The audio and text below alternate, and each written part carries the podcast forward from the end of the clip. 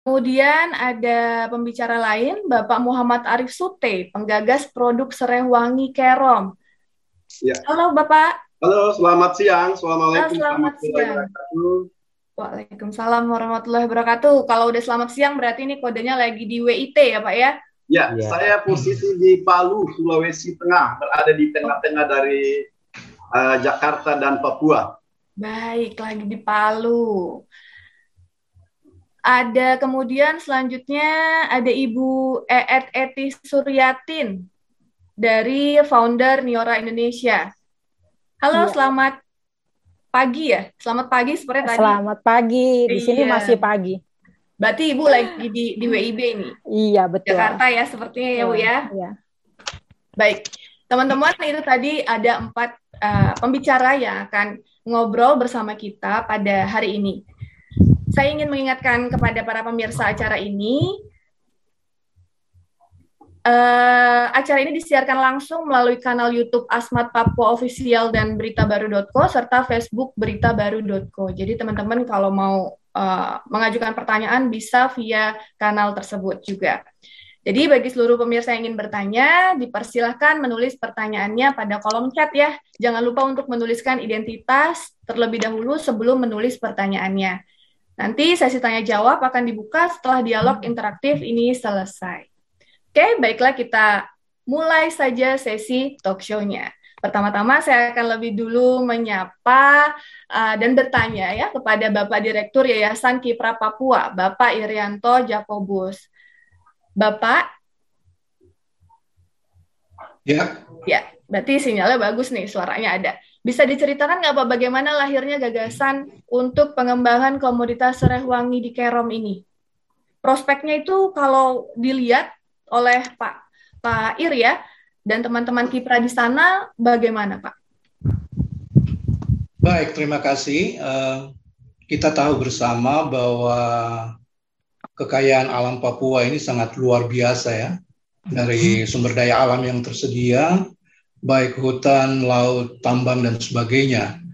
Nah, kami melihat, kami memandang bahwa eh, ada ekspansi pembangunan dan pemanfaatan sumber daya alam, khususnya hutan kayu yang cenderung eksploitatif dan dikhawatirkan dapat merusak hutan. Nah, oleh sebab itu, kami yang bekerja, Yayasan Kipra Papua, yang bekerja di Kabupaten Kerom kami melihat bahwa uh, eksploitasi ini masih terus berlangsung dari beberapa perusahaan yang mengambil hasil hutan. Tapi kemudian di sisi lain kehidupan masyarakat adat yang ada di dalam di Kabupaten Kerom ini dalam hariannya itu belum begitu uh, berkembang dengan baik. Padahal kalau mau dilihat ada potensi sumber daya alam, ada hutan, ada lahan yang cukup luas, sehingga kami memikirkan bagaimana kemudian eh, lahan-lahan tidur itu yang ada di Kabupaten Kerom ini bisa dikembangkan dengan uh, budidaya serewangi. Nah, kami mendapat beberapa rujukan dan informasi bahwa uh, pengembangan serewangi ini adalah tanaman yang sangat uh, baik dan tidak sulit sebenarnya untuk dikembangkan. Pada awalnya kami waktu itu juga berkomunikasi dengan KPHP, Kesatuan Pemangku Hutan uh, Produksi di Kerom, bahwa mereka juga pada awalnya coba mengembangkan selain serewangi ada uh, nilam dan juga beberapa uh, produk uh, tanaman yang lain begitu. Nah dari uh, melihat tentang kondisi sumber daya alam, lalu kemudian eh, bagaimana kita menjaga kelestarian hutan, karena beberapa anggota masyarakat juga mereka turut untuk mengambil hasil hutan dengan menggunakan chainsaw dan juga dipakai oleh beberapa industri kayu. Nah, oleh sebab itu kami memandang bagaimana supaya uh, hutan ini bisa terjaga, terlindungi, tetapi juga di sisi lain eh, masyarakat juga mendapatkan manfaat ekonomi. Oleh sebab itu, eh, kami coba mengorganisir, ya, mengorganisir masyarakat di dua kampung yaitu Kampung Skanto dan Kampung Gudang Garam 54. Kami memberikan uh, sosialisasi, pencerahan, dan mendorong mereka supaya bagaimana lahan-lahan yang ada ini, lahan-lahan yang tidak terpakai ini bisa dikelola, dikembangkan dengan budidaya uh, serewangi. Nah itu yang kami lihat bahwa ini uh, hal yang baik gitu, hal yang uh, menjanjikan karena dari informasi rujukan referensi yang kami peroleh minyak atsiri serewangi ini cukup cukup apa ya punya nilai jual harga yang bagus.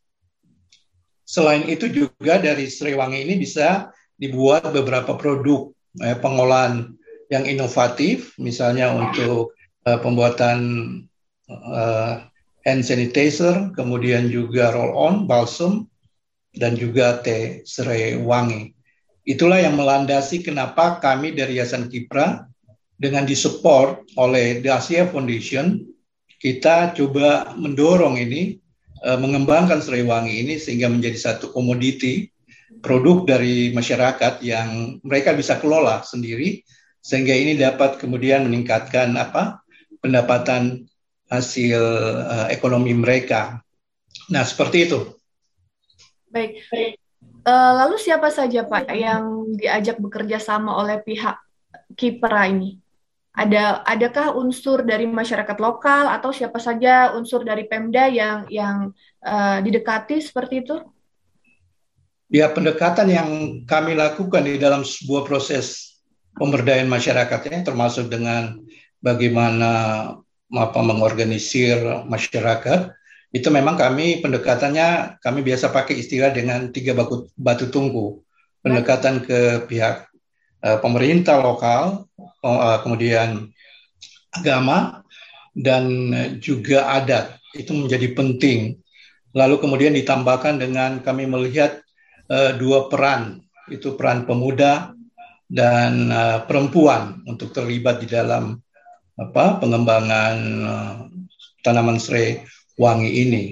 Jadi kita uh, mengajak masyarakat bekerja sama dengan masyarakat di dua kampung, mm-hmm. yaitu Kampung Skanto dan Kampung Gudang Garam 54 kami berbicara dengan masyarakat dari awal kami menjelaskan bagaimana uh, proses pengembangan dari Serewangi ini mulai dari uh, penyiapan lahan, pengadaan bibit, penanaman hingga apa penyulingan.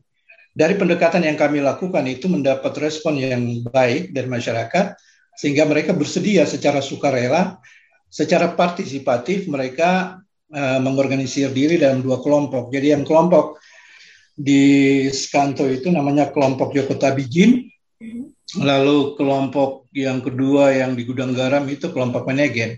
Jadi kelompok-kelompok inilah yang bekerja sama untuk menyiapkan lahan, mengelola lahan, menanam lahan sampai dengan apa eh, panen, panen daun serai wangi untuk kemudian disuling. Nah, kami juga bekerja sama dengan KPHP pada awalnya uh, diskusi dengan mereka, kemudian juga dengan Pemda Kerom, khususnya eh, OPD atau SKPD Bapeda dan uh, pertanian.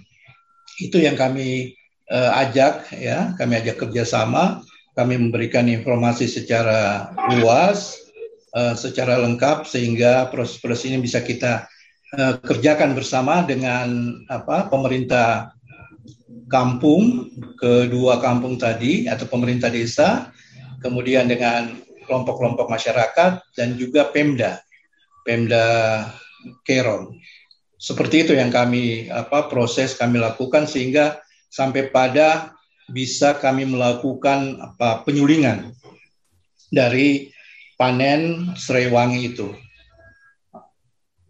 dan uh, kami sudah mempunyai dengan masyarakat sudah mempunyai dua fasilitas penyulingan itu di Sekanto, Kampung Sekanto dengan kapasitas 500 kg.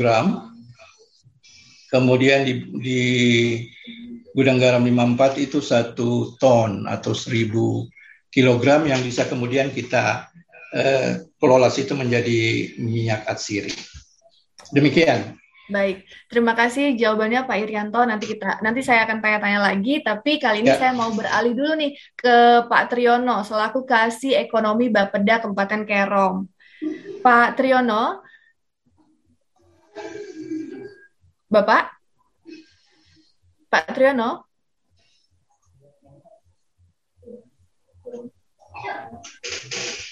Pak Triyono, apakah suara saya terdengar, Pak Triyono?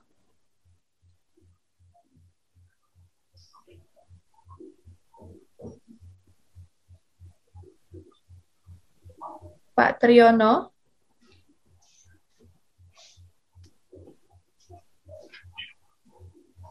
Halo. Ya, baru ada suaranya Pak Tri.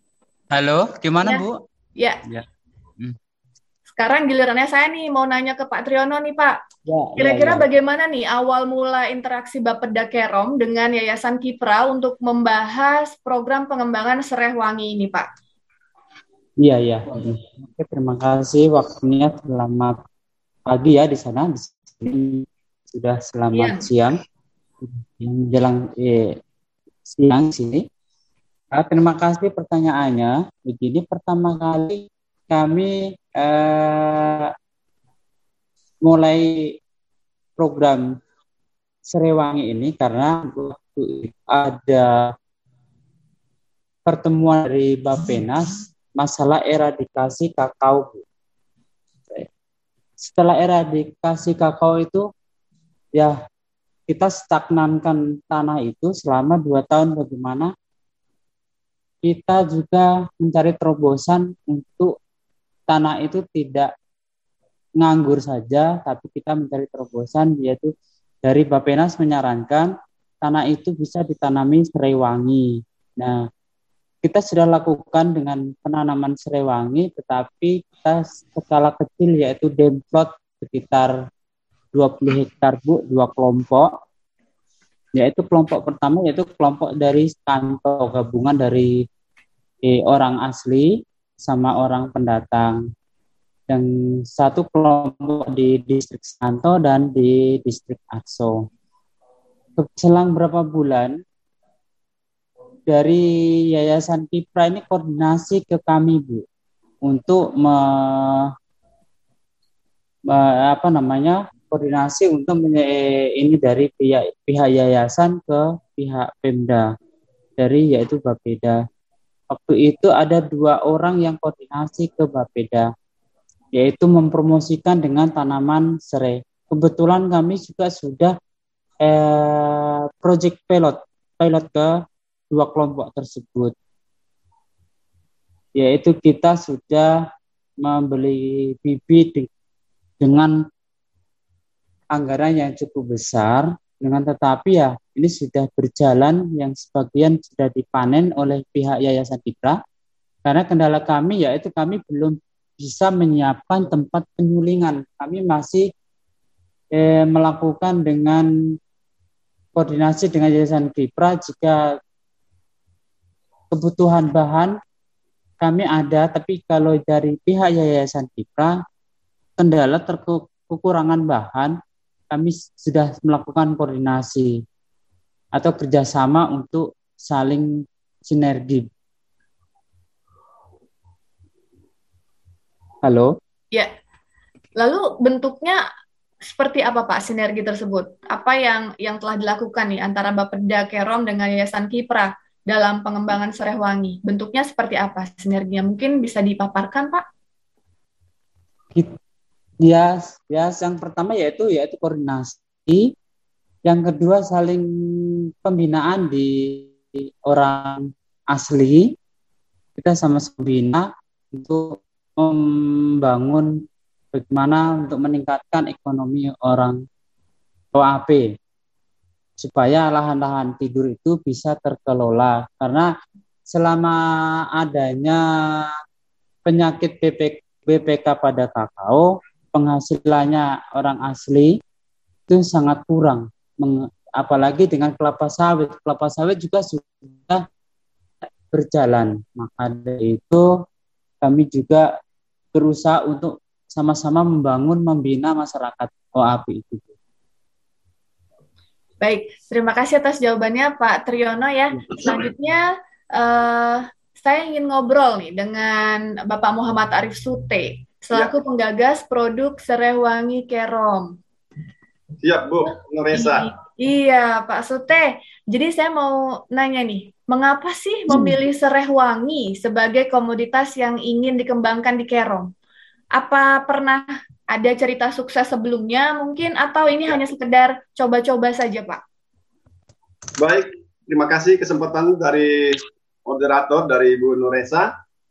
Uh, mungkin pertama, pertama saya harus mengapresiasi dulu uh, teman-teman tim dari program Papeda ini uh, atas segala kerja-kerja kolaborasi dengan berbagai pihak uh, sehingga dalam situasi kondisi yang uh, pergerakan yang terbatas sekarang ini inovasi-inovasi uh, terkait pengembangan uh, usaha serai khususnya ini maupun program-program lainnya di wilayah lain itu tetap bisa berjalan bahkan uh, lebih terlihat uh, dibanding dengan kegiatan-kegiatan uh, offline.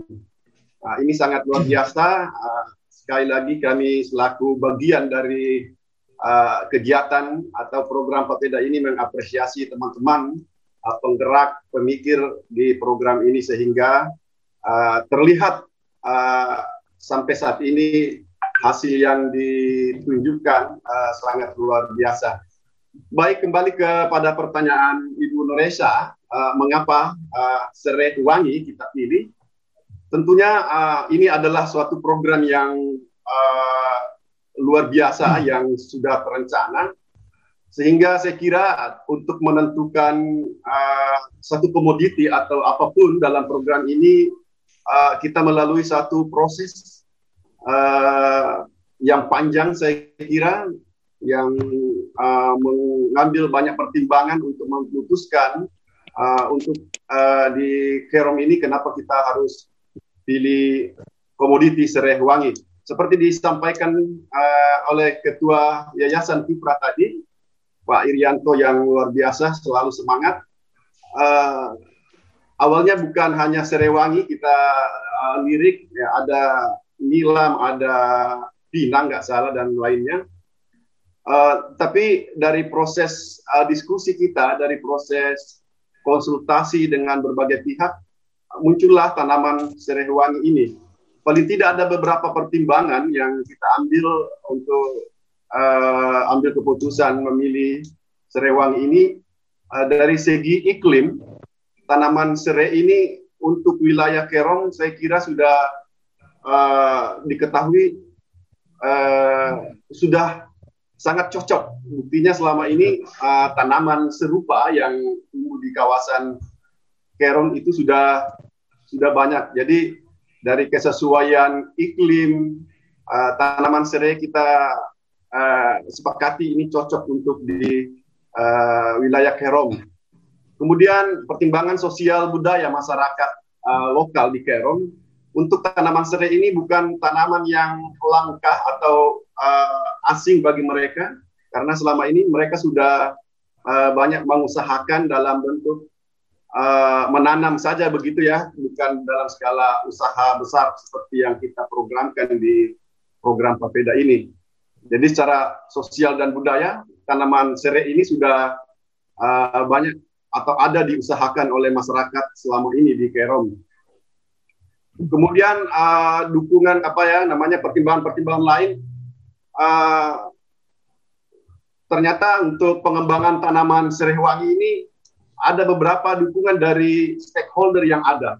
Tadi sudah disampaikan oleh Pak Triyono dari Bapeda bahwa uh, sebelum uh, program Bapeda atau Yayasan Kipra ini masuk merencanakan mengembangkan Serewangi, uh, ternyata kita menemukan uh, stakeholder dari Bapeda itu sudah memulai menanam. Tadi disampaikan Pak Triyono sudah ada 20 hektar lebih uh, ditanam bibitnya tidak salah waktu itu dari Jawa atau dari Aceh ya, ya Pak Iria. Ya. Uh, ini adalah faktor-faktor yang sangat mendukung. Apalagi tadi dari Bapeda uh, sudah mengembangkan kebun serai, tetapi belum ada penyuntingan sehingga ini uh, apa ya menjadi pertimbangan yang uh, besar untuk uh, program Papeda ini memilih tanaman serai wangi. Uh, kita bisa usahakan karena selain faktor-faktor tadi iklim sosial budaya maupun uh, dukungan stakeholder sudah ada sehingga uh, besar harapan kita uh, untuk memutuskan atau memilih tanaman serai wangi ini bisa uh, dikembangkan di Kabupaten Perom khususnya. Uh, pertimbangan berikutnya adalah prospek ekonomi. Uh, saya kira teman-teman semua yang terlibat dalam diskusi-diskusi awal ini uh, itu sudah mempunyai referensi uh, tentang potensi ekonomi tanaman atau pengelolaan serewangi itu bagaimana. dari diskusi-diskusi kita itu sudah uh, baik dari yayasan, dari tokoh-tokoh masyarakat dari kelompok-kelompok yang tertentu itu sudah sudah uh, mempunyai referensi tentang prospek ekonomi dari serewe serewangi ini uh, khususnya untuk produk turunannya dalam bentuk minyak atsiri itu sudah banyak yang mengetahui uh, belum lagi kita ketahui bahwa dengan uh, bahan baku serewangi ini itu bisa uh, dibuat menjadi berbagai macam produk turunan lokal yang bisa diproduksi uh, lokal dan dijual uh, lokal juga. Uh, itu juga pertimbangan yang uh, semakin menguatkan kami sebagai tim dari program Papeda ini untuk memutuskan uh, apa namanya uh, pemilihan komoditi tanaman serewangi ini. Tapi Bu Nuresa, uh, sampai se itu saja kita merasa belum cukup. Mm-hmm. Alhamdulillah di tahun 2018 untuk menguatkan uh, apa namanya keputusan pemilihan komoditi Serewangi ini, uh, program Papeda memfasilitasi teman-teman uh, baik kelompok uh, tani yang terbentuk yang akan mengawal usaha ini uh, maupun kepada para pendamping dari teman-teman yayasan dan PAP itu kita difasilitasi untuk studi banding. Uh, dan ya tujuannya saya kira jelas uh, selain dengan apa ya menyemangati faktor-faktor uh, positifnya menjadi pertimbangan tadi kita harapkan mereka bisa melihat langsung uh, jenis usaha yang sama sudah berjalan dan uh, mempunyai uh, histori sukses. Uh, itu tempatnya kalau untuk Serewangi uh, kita bawa teman-teman ke salah satu uh, usaha pengolahan Serewangi di Bogor, tepatnya di Cipelang, ya. Itu uh, semua kelompok yang terlibat dalam perencanaan usaha ini waktu itu kita uh, apa namanya kita fasilitasi untuk data melihat secara langsung uh, baik proses maupun uh, kita fasilitasi diskusi seperti apa prospek-prospek dan uh, manfaat mengelola tanaman sereh wangi ini. Dan alhamdulillah saat uh, melakukan studi banding itu uh, sangat terlihat antusias teman-teman, khususnya teman kelompok sebagai ujung tombak dari usaha pengembangan sereh wangi di Perum ini. Itu mulai dari diskusi tentang teknis, tentang proses-proses sampai menjadi uang lah intinya gitu. Hmm. Jadi ya kalau pertanyaan tadi ya saya kira seperti itu uh, pertimbangan-pertimbangan uh, yang kita ambil sehingga uh, muncullah komoditi serai wangi ini.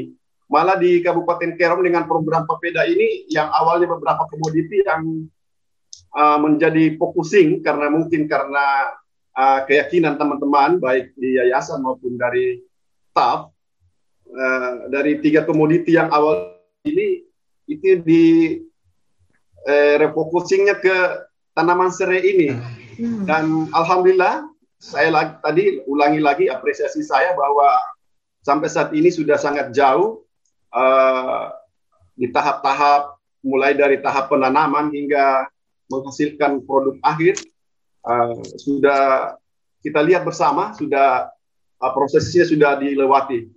Saya kira itu sementara Bu Nuresa dari ya, saya. Ya, tadi ada pertanyaan yang belum terjawab Pak. Apakah pernah ada cerita sukses sebelumnya terkait uh, serai wangi yang dijadikan komoditas uh, untuk dikembangkan di Kerom atau hanya awalnya ini tuh coba-coba aja? Ya.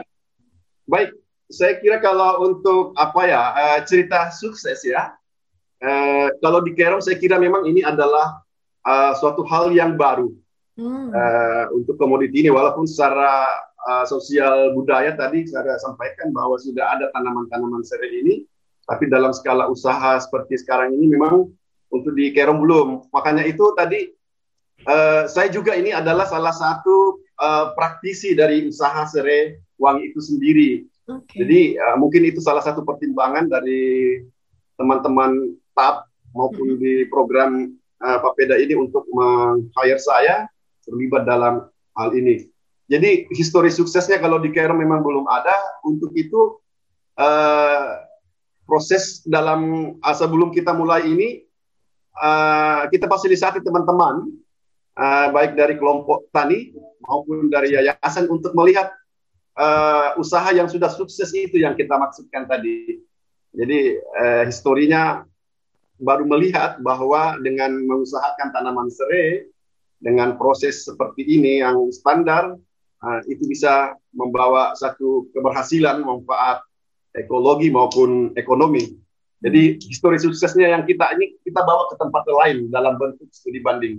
Seperti itu Nur Nuresa. Baik, berarti ini harus menjadi cerita pertama ya. uh, pertama cerita sukses di Kerem untuk ya. wanginya ya Pak ya. Betul. Harus begitu. Tadi Bapak Pak Sutes juga sudah menyinggung terkait nilai ekonomi. Lalu nilai tambah ekonomi sebesar apa sih Pak yang diperhitungkan ketika untuk merancang pengembangan serai wangi di Kerom ini? Ya, uh, saya kira semua usaha yang uh, kita bangun itu akan uh, pertimbangan utamanya memang adalah uh, nilai ekonominya itu berapa sih atau bisa untung tidak ya? Mm-hmm. Uh, saya kira dari cerita-cerita tadi itu memang ya Eh, nilai-nilai uh, nilai tambah ekonomi yang dapat kita dapatkan dari usaha pengelolaan tanaman serai ini eh, saya kira namanya usaha akan akan kita bisa dapatkan. Uh, pertama nilai tambahnya adalah uh, mungkin dengan usaha ini akan ada pemanfaatan lahan-lahan yang yang pertama ya pemanfaatan lahan yang menganggur yang sudah disampaikan oleh Pak uh, Irwan Pak Ir tadi. Uh, berikutnya uh, kesempatan kerja untuk uh, masyarakat di uh, wilayah pengembangan usaha ini bukan hanya untuk kelompok tani, uh, tetapi masyarakat secara umum bahwa kita ketahui dalam proses uh, pengembangan usaha tanaman serai ini uh, untuk di beberapa tahap itu membutuhkan tenaga kerja yang tidak sedikit. Uh, karena ini uh, saya bisa gambarkan bahwa untuk membangun usaha seperti di kerja ada sekarang ini dua penyulingan itu minimal membutuhkan uh, di atas satu satu unit pengolah uh, apa ya penyulingan itu uh, minimal membutuhkan 10 hektar ke atas sampai 20 hmm. hektar. Jadi kalau dua lokasi atau dua penyulingan itu bisa dikali dua dan proses pengerjaan mulai dari penanaman itu membutuhkan tenaga kerja yang tidak sedikit dan itu sudah kita lalui dan luar biasa penyerapan tenaga kerja yang terlibat di dalamnya itu. Saya kira ya kalau semacam semakin banyak uh, yang terlibat bekerja bahwa ada uang yang berputar di situ. Ada nilai ekonomi yang uh, masyarakat dapatkan. Uh, berikutnya saya kira uh, untuk saat ini juga nilai ekonominya sudah dirasakan adalah proses uh, menghasilkan produk-produk turunan itu. Uh, saya saya sudah lihat kita sudah menghasilkan mulai dari bahan bakunya berupa minyak atsiri, produk turunannya tadi hand sanitizer, ada sabun saya kira yang dalam proses, ada teh. Saya kira nilai ekonomi di situ bisa didapatkan oleh baik oleh kelompok yang terlibat secara langsung maupun masyarakat di sekitarnya yang terlibat dalam uh, proses-proses pengerjaan usaha ini. Saya kira begitu, Ibu Neresa. Baik, terima kasih ini Pak Sute atas sharingnya. Berikutnya, saya ingin bertanya ke Ibu Eet Eti Suryatin sebagai founder Niora Indonesia. Ibu. Iya, selamat iya. siang ya. Selamat. Sekarang sudah mulai siang. Iya, menjelang siang ya. Iya, ya. iya, pagi. Ya, Bu, siang. berdasarkan pengalaman Ibu nih, hasil olahan serai wangi tersebut itu biasanya untuk bahan baku apa saja sih? Iya, kalau saya sebenarnya uh, uh, apa uh, selama ini pengalaman dengan produk yang dari Kerong itu saya berdiskusi dengan teman-teman juga berdiskusi dengan salah satu uh, apa uh, perusahaan bahwa memang uh, produk uh, supaya minyak uh, apa serewang ini dapat diolah menjadi berbagai macam produk yang memiliki nilai ekonomi yaitu bisa bentuknya minyak astiri, sabun ta tangan, sabun cuci piring atau cuci tangan juga, anti nyamuk dan uh, bisa juga misalnya uh, yang paling sekarang lagi banyak dicari juga hand sanitizer ya. Tentunya ini uh, sudah uh, banyak dibuat ya oleh perusahaan-perusahaan yang lain, tetapi saya pikir uh, dengan uh, punya ciri khas sendiri dan cerita sendiri akan tentu dengan branding dan kemasan yang baik akan uh, mendukung produk ini bisa masuk ke pasaran.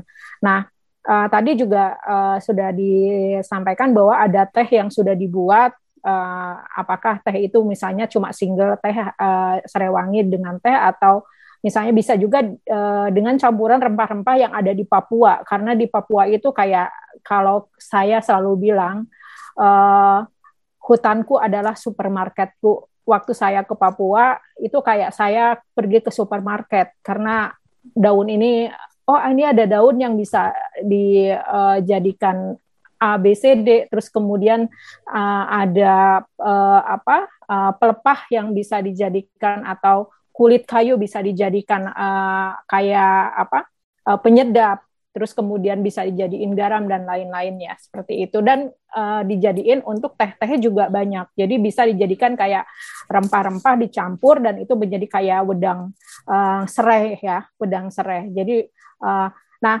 uh, selam, uh, sebelumnya memang uh, untuk permintaan kayak untuk uh, wellness atau untuk uh, kayak uh, massage minyak untuk massage juga banyak gitu kan seperti itu.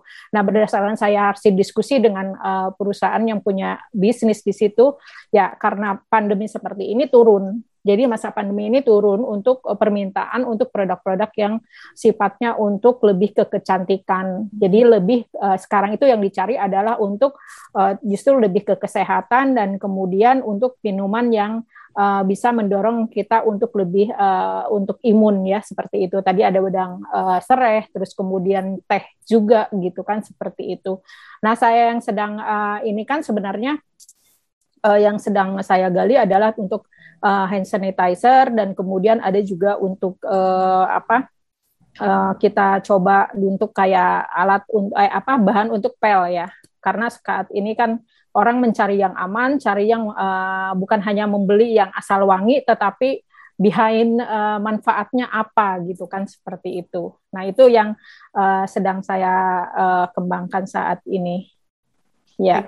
Menarik tuh ya bu. Uh, apa hutanku adalah supermarketku. Itu iya. Iya, berarti uh, sangat bisa kebayangkan surganya Papua itu seperti apa ya? Betul, betul.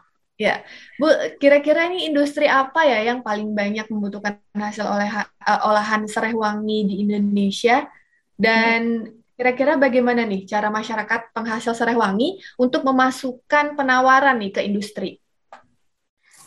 Uh, tadi uh, pemis pemasaran sebenarnya banyak karena kalau uh, kalau nggak salah tahun 2007 ya kalau saya pelajari juga saya mencoba mempelajari untuk Serewangi ini tren marketnya. Ternyata market keluar untuk ekspor juga sempat uh, tinggi ya. Tapi kalau sekarang kan agak sedikit redup juga. Sebenarnya kayak ke Jepang sebenarnya kayak marketnya juga tinggi. Nah industri-industri yang membutuhkan adalah uh, tentunya industri-industri yang memang perusahaan uh, yang uh, mengolah uh, bahan-bahan untuk kayak misalnya uh, pengguna uh, astiri yaitu industri untuk uh, kimia ya aromaterapi yang membuat seperti itu industri farmasi kosmetik juga. Karena kan kosmetik kayak untuk spa ya contohnya uh, uh, apa ya saya nyebut nama juga karya Mertatilaar mereka juga menggunakan serewangi gitu kan mm. uh, uh, yaitu seperti itu jadi perusahaan-perusahaan sebenarnya mereka juga masih menggunakan itu, tetapi sekarang beralih bahwa mereka itu apa yang dibuat gitu kan seperti itu. Hmm. Nah, menurut Ibu sendiri nih, bagaimana sih prospek pemasaran hasil produksi dari olahan serai wangi yang saat ini sedang dikerjakan oleh masyarakat di Kabupaten Kero? Ya, uh, untuk pemasaran tentunya ini uh, tadi sudah dengar kalau nggak salah ada satu ton setengah uh, serai wangi yang ada di sana. Saya juga baru tahu ya. Jadi uh, saya sedang mencoba menjajaki juga sebenarnya potensi yang bisa lari ke mana nih gitu kan.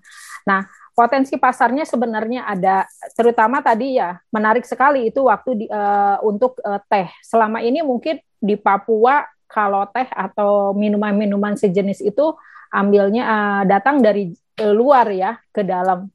Nah saatnya lah uh, hutanku uh, menjadi supermarketku dan kemudian menjadi uh, produk lokal itu menjadi uh, berjaya di, di daerahnya sendiri di negerinya sendiri gitu kan seperti itu. Nah itu yang uh, potensi pasar bahwa ada pengal uh, story kalau di mana di uh, di suatu daerah itu bahwa mereka menghasilkan sebuah produk yang ini uh, apa di sana banyak uh, mokap ya. Dan satu daerah itu bagaimana menerapkan bahwa penduduk di sana adalah kampanye di sekitar penduduk situ dulu gitu kan. Uh, mengolah eh mengkonsumsi teh itu eh apa mokap itu sendiri. Nah, ini sama juga tehnya uh, boomingkan dulu di sekitar situ gitu kan uh, sekitar situ terus kemudian artinya dengan kampanye dengan segala macam cara gitu kan terutama promosi. Sehingga itu juga itu adalah salah satu potensi. Yang kedua yaitu uh, kita juga hand sanitizer menjadi sesuatu yang masih dicari ya saat ini. Karena uh, setiap hari setiap saat sehari tiga kali berapa kali. Nah itu juga.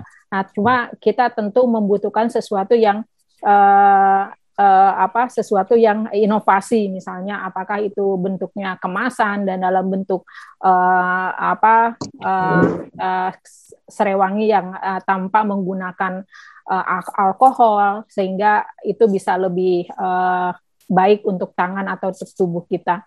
Nah itu yang uh, potensi saya pikir potensi masih ada ya uh, coba tinggal kita bagaimana marketnya mau ke mana uh, naik seperti itu. Terus kemudian uh, beberapa perusahaan di Jakarta juga sebenarnya yang menggunakan serewangi gitu kan seperti itu. Cuma memang uh, bagaimana ya strategi bisa masuk ke sana ya uh, tentunya ada harus ada prosesnya ini. Nah ada prosesnya ya tadi uh, mereka rata-rata uh, melakukan bagaimana sih standar bahan baku uh, berdasarkan saya diskusi dengan perusahaan uh, besar bahwa mereka bukan hanya menunggu di perusahaan, tapi mereka juga ingin terlibat bagaimana ngelihat sih prosesnya yang dilakukan oleh di sana. Karena sekarang ini trennya adalah uh, ramah lingkungan, jadi artinya uh, bahan baku ditanam dilakukan mulai dari proses sampai hingga pasca panen itu dilihat banget.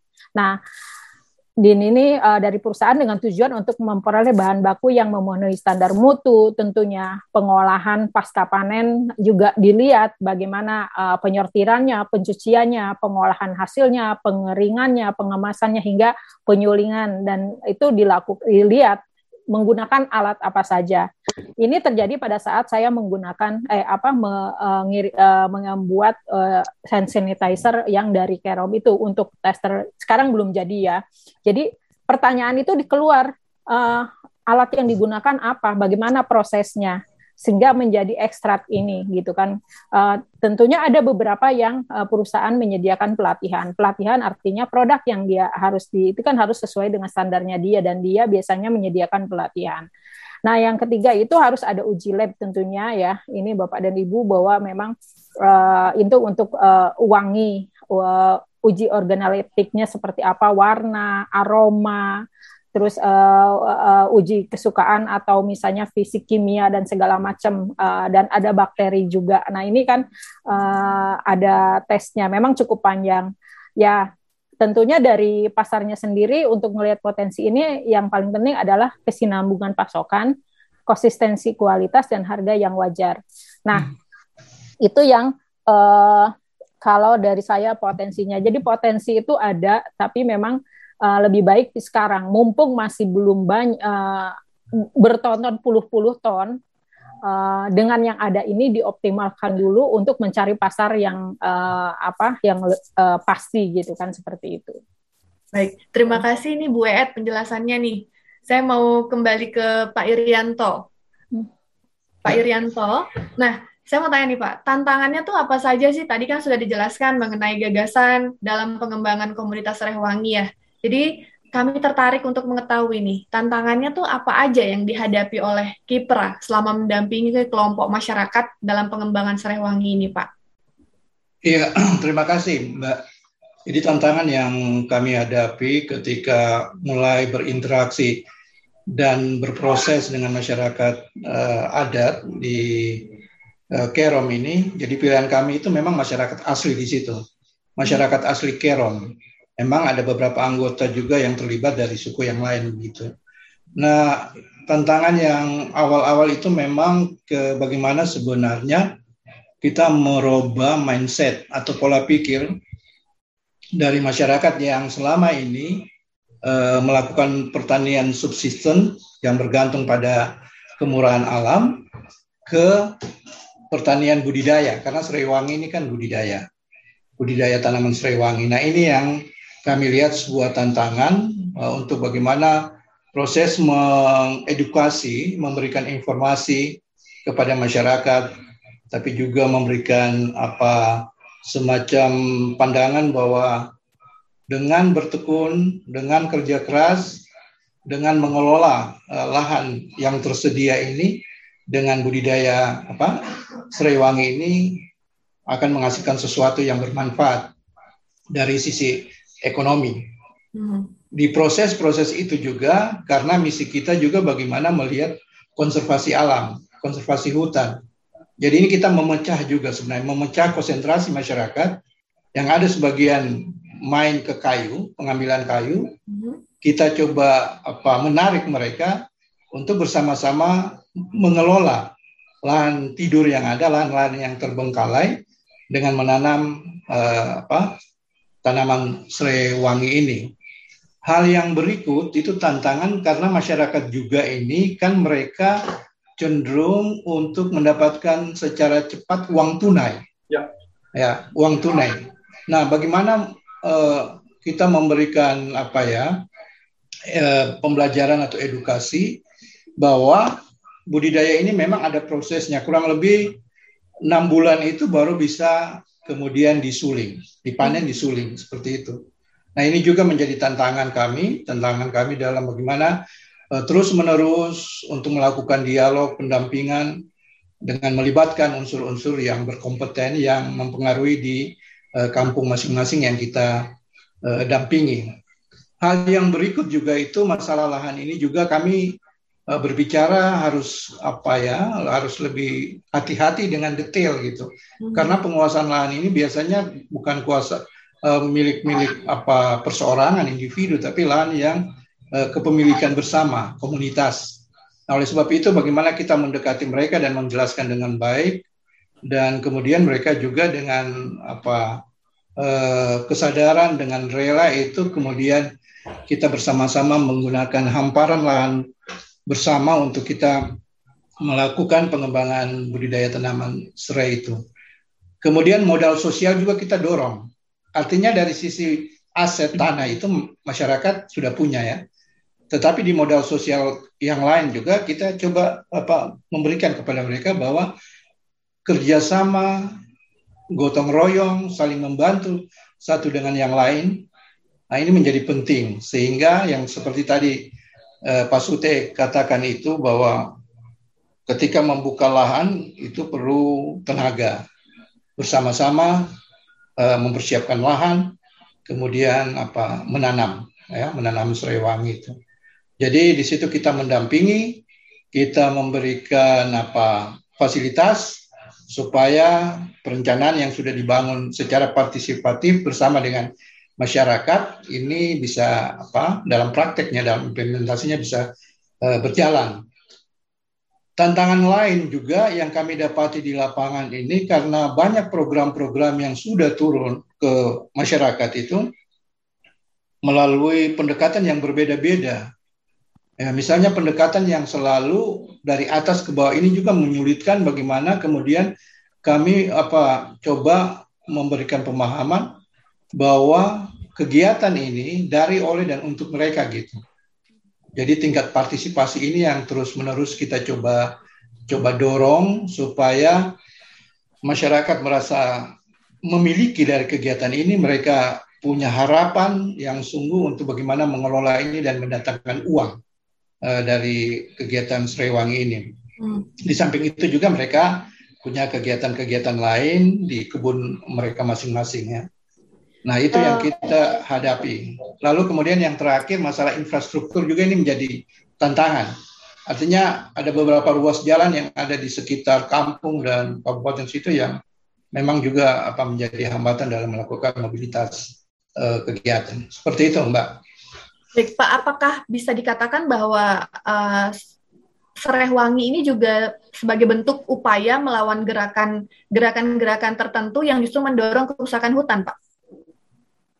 Ya, karena begini Mbak, uh, ini kan eksploitasi sumber daya alam ini khususnya hutan ini kan cukup apa ya masih ber, berlangsung lah di Kabupaten Kerong. Ada beberapa perusahaan uh, eh, HPA gitu. Nah itu yang kita lihat bagaimana kemudian kami mempersiapkan masyarakat untuk mereka melindungi apa sumber daya alam hutan tapi juga kemudian ada tawaran lain untuk bagaimana memberikan nilai tambah sehingga dari sisi advokasi itu hutan terjaga tapi dari sisi ekonomi juga masyarakat bisa meningkat. Nah ini yang kita menjadi concern kita untuk melihat persoalan persoalan ini begitu. Baik, terima kasih Pak Ir. Uh, saya mau ke Pak Triyono dulu. Pak Triyono. Ya, gimana Bu? Iya, tadi kan sudah dijelaskan tuh Pak terkait pola sinergis ya, uh, sinergi hmm. Bapeda dengan Kipra. Nah, yang ingin saya tanyakan itu suplai bahan baku dampingan Bapeda ke penyulingan dampingan Kipra itu seperti apa Pak? Lalu rumah produksi yang diperbantukan itu kondisinya bagaimana? Ibu, uh, terima kasih Bu. Eh, masalah eh, sinergi Kipra dan Bapeda itu saling koordinasi, saling membutuhkan mana kekurangan bahan kita siap hmm. suplai untuk masalah eh, pengolahan tadi pengolahan itu terjadi kendala dari pihak Kipra penyulingan kadang lancar ada kendala kerusakan di penyulingan.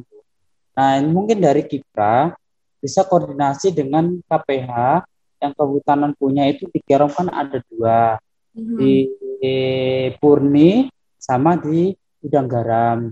Kalau bisa dikoordinasikan, dimanfaatkan alat alat penyulingan itu Bu, karena kami sudah mencoba waktu itu kami mencoba waktu bulan berapa tahun yang lalu itu sudah bisa berjalan, tapi kita harus eh, intinya koordinasi ke KPA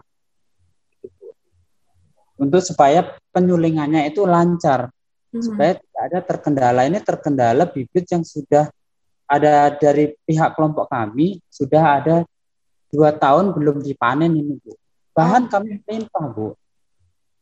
Cuma tempat penyulingannya ini kami belum dari pihak yayasan yang Kipra ada kendala kerusakan penyulingan. Terus ada dari KPA itu ada dua tempat penyulingan itu kalau bisa dikoordinasikan supaya bisa dimanfaatkan untuk alat penyulingannya KPI. Baik, nah eh, kira-kira nih Pak, kebijakan apa sih yang akan dibuat oleh Pemda untuk mendukung keberlanjutan ini Pak? Ya, terima kasih untuk kelanjutannya kita tetap akan kembangkan, kita akan koordinasikan koordinasi ke instansi yaitu pertani, dinas pertanian, supaya tahun ke tahun ada pengembangan atau penambahan penanaman serai. Terus ini tuh ada berita baru bahwa hmm. eh, Kipras sudah kami bicarakan dengan pihak lapangan untuk bagaimana Peron sudah menyediakan rumah industri untuk Serewangi. Mungkin dari proses dari itu itu suatu kayak produk teh atau produk sanitizer bisa mungkin di itu bikin samplingnya nanti penjualannya kami sudah punya rumah ibaratnya showroom penjualan mm-hmm. produk tadi mungkin kami sudah koordinasi dengan Koprendak dia sudah menyiapkan satu unit rumah industri untuk showroom penjualan produk dari Serewangi itu. Oke, itu itu informasi terbarunya ya Pak ya? Iya, barunya ya. Berarti nanti showroom atau rumah produksinya akan ada ya Pak? Ada, rumah industrinya ada. Kami sudah siap 10 unit. Kemarin kami sudah meminta dari Kepindak satu unit untuk Serewangi karena lagi booming. Kita bagaimana bisa launching untuk penjualannya disaksikan oleh Bapak Bupati supaya oh Pak Bupati bisa oh menarik ini mungkin sanitizernya bisa untuk dari masyarakat ke ini bisa lagi lagi butuh nih sanitizer karena masa pandemik ini Bu. Ya. Ya, suatu saat bisa booming, bisa melonjak lah peningkatan penjualannya produk Sriwangi tadi. Iya, terima kasih Pak Triono. Saya mau ke Pak Sute dulu, Pak Arif Sute. Ya. Ini sudah kita udah denger nih Pak, ada angin segar nih dari dari Pak Triono. Mau ada showroomnya. Nah, yang ingin saya tanyakan kepada Bapak, ini apakah Bapak juga menemui kendala atau kesulitan dalam mengelola branding, packaging, dan pengurusan izin produksi atau izin edarnya, Pak? Ya, uh, saya kira kita apresiasi kembali lagi bahwa uh, saya sangat yakin bahwa ke depan di Kerom ini akan uh, apa ya uh, usaha pengelolaan usaha Serewang ini akan sampai kepada uh, tingkat keberhasilan yang tinggi karena uh, dukungan dari stakeholder yang luar biasa seperti disampaikan Pak Riono terakhir tadi. Terus kemudian kalau kami ditanya dengan kendala-kendala uh, dalam hal proses uh, berikutnya berupa uh, perizinan, uh, packagingnya maupun brandingnya, branding ya. Ya. Saya kira kalau dari sisi perizinan itu uh, hampir tidak ada kendala sungguhnya karena uh, pihak perizinan ini kan ya terkait dengan uh, pemerintah setempat dan itu pemerintah akan mendorong uh, bagaimana pelaku-pelaku usaha ini bisa eksis. Ya tergantung dari pelaku usaha itu sendiri. Saya kira pengalaman kami kalau kita melengkapi uh, seluruh persyaratan-persyaratan yang uh, dipersyaratkan untuk mendapatkan izin itu, saya kira prosesnya tidak tidak ada kesulitan untuk mendapatkan itu semua. Uh, terus kendala-kendala terkait eh, packaging dan branding, uh, saya kira semua usaha apa pun kalau kita sebagai pemula ini kita pandang ya kalau di teman-teman uh, binaan kiprah di Kerum ini khususnya ini adalah pelaku usaha yang baru. Saya kira memang uh, berbagai macam kendala kita akan temukan.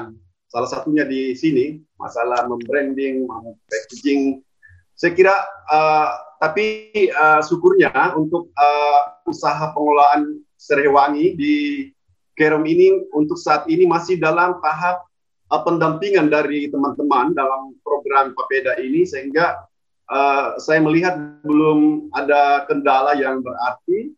Uh, memang kalau saya kira kalau di tingkat kelompoknya itu akan menjadi kendala memang, tapi atas pendampingan yang masih berlangsung sekarang, saya lihat produk yang ada ini uh, sudah sangat memenuhi persyaratan-persyaratan uh, seperti uh, packagingnya tadi ya. Tadi sudah disampaikan Ibu Ed juga uh, bahwa ternyata kalau kita masuk di satu pasaran tertentu itu uh, syarat-syarat eh, kemasan dan lain-lain bahkan uh, prosesnya itu harus berstandar, ada SOP-nya semuanya.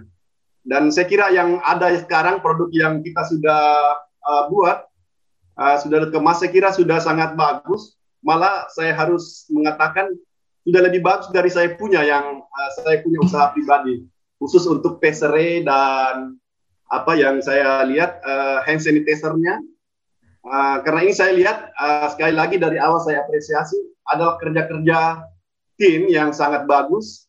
Uh, membuat kemasan itu ternyata punya ilmu tersendiri. Mm-hmm. Uh, ke mana akan dijual, seperti apa gambar yang harus kita tampilkan, apa-apa informasi yang harus tercantum di situ. Itu uh, sekarang ini karena masih dikerjakan oleh tim, saya kira uh, saya kira melihat saya tidak ada kendala, cuma masalahnya adalah uh, bahwa usaha ini kita kawal uh, untuk uh, berbasis kelompok. Uh, saya kira kalau berbicara kendala kembali lagi kepada apa yang disampaikan oleh uh, ketua Yayasan Kipra tadi, bagaimana uh, kapasitas atau SDM dari kelompok masyarakat yang kita dampingi ini.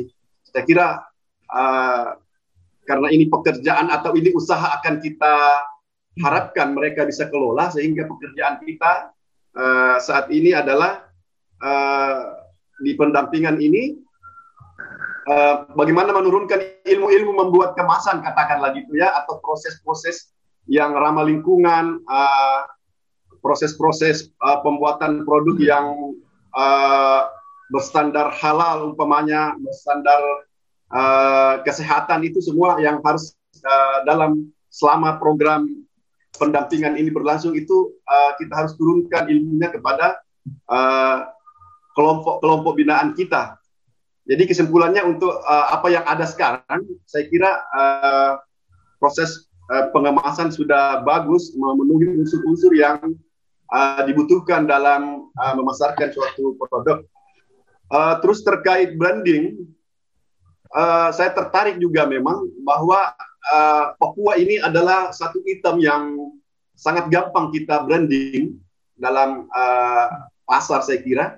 Tadi ada yang menarik dari Ibu Ed, uh, Papua adalah pasarku ya gitu ya apalagi terkait dengan uh, saya pribadi dan bahkan uh, orang-orang di sekitar saya di sini di mana pun saya kira uh, kalau berbicara mengenai produk-produk lokal atau produk-produk alam itu Papua sangat apa ya uh, mudah sekali terbranding.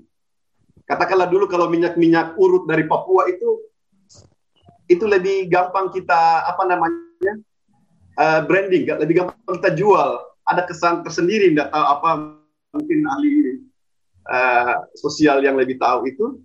Jadi branding memang ini uh, ya lagi-lagi kalau di tingkat kelompok memang uh, masih menjadi kendala saya kira. Uh, tetapi saat ini berjalan uh, dikerjakan oleh tim-tim uh, Papeda Papua ini yang profesional.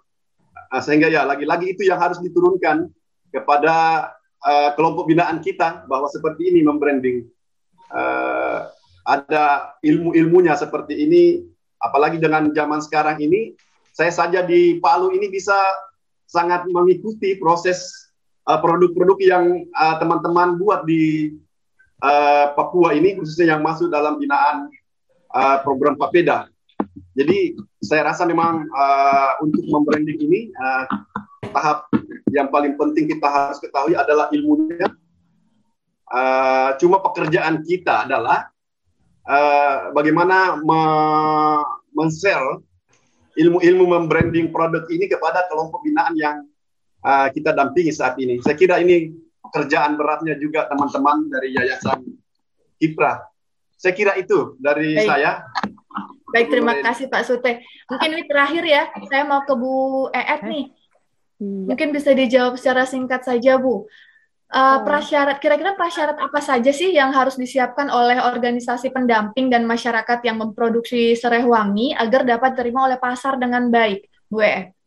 Uh, saya rasa tadi saya sudah menyampaikan juga ya bahwa masalah standarisasi ya standarisasi hmm. tentu uh, mulai dari mulai panen sampai uh, pasca panen pengemasan dan segala macam itu adalah harus istilahnya standarnya uh, perusahaan gitu kan hmm. dan perusahaan pun istilahnya uh, tadi akan memberikan pelatihan nah, yang kedua ya tadi uji lab pada saat saya mengirimkan sampel yang dari Kerom itu ditanya uji labnya gitu kan itu pun uji lab yang sudah masih valid artinya masih uh, apa sesuai dengan uh, masa berlaku ya.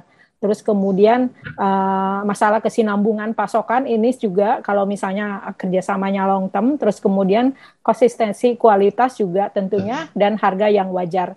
Nah ini yang memang harus dipatuhi. Tentunya uh, pemilihan transportasi juga karena dari Kerom ke Jakarta atau ke kota besar memang uh, agak sedikit mahal ya. Jadi uh, harus pemilihan-pemilihan uh, transportasi yang bisa lebih murah supaya produknya juga enggak terlalu menjadi produk yang uh, mahal banget gitu kan seperti itu. Kayak kemarin saya minta dari Mbak Sandri uh, uji untuk saya dikirimkan apa uh, uh, ini apa uh, tepung keladi lewat atau mungkin uh, minyak minyak uh, astirinya atau minyak uh, apa serewanginya lewat kapal gitu berapa hari sih. Karena kan sebenarnya itu bahan-bahan yang bisa tahan lama. Kalau dikirimin lewat kapal tidak harus lewat uh, apa uh, uh, pesawat seperti itu.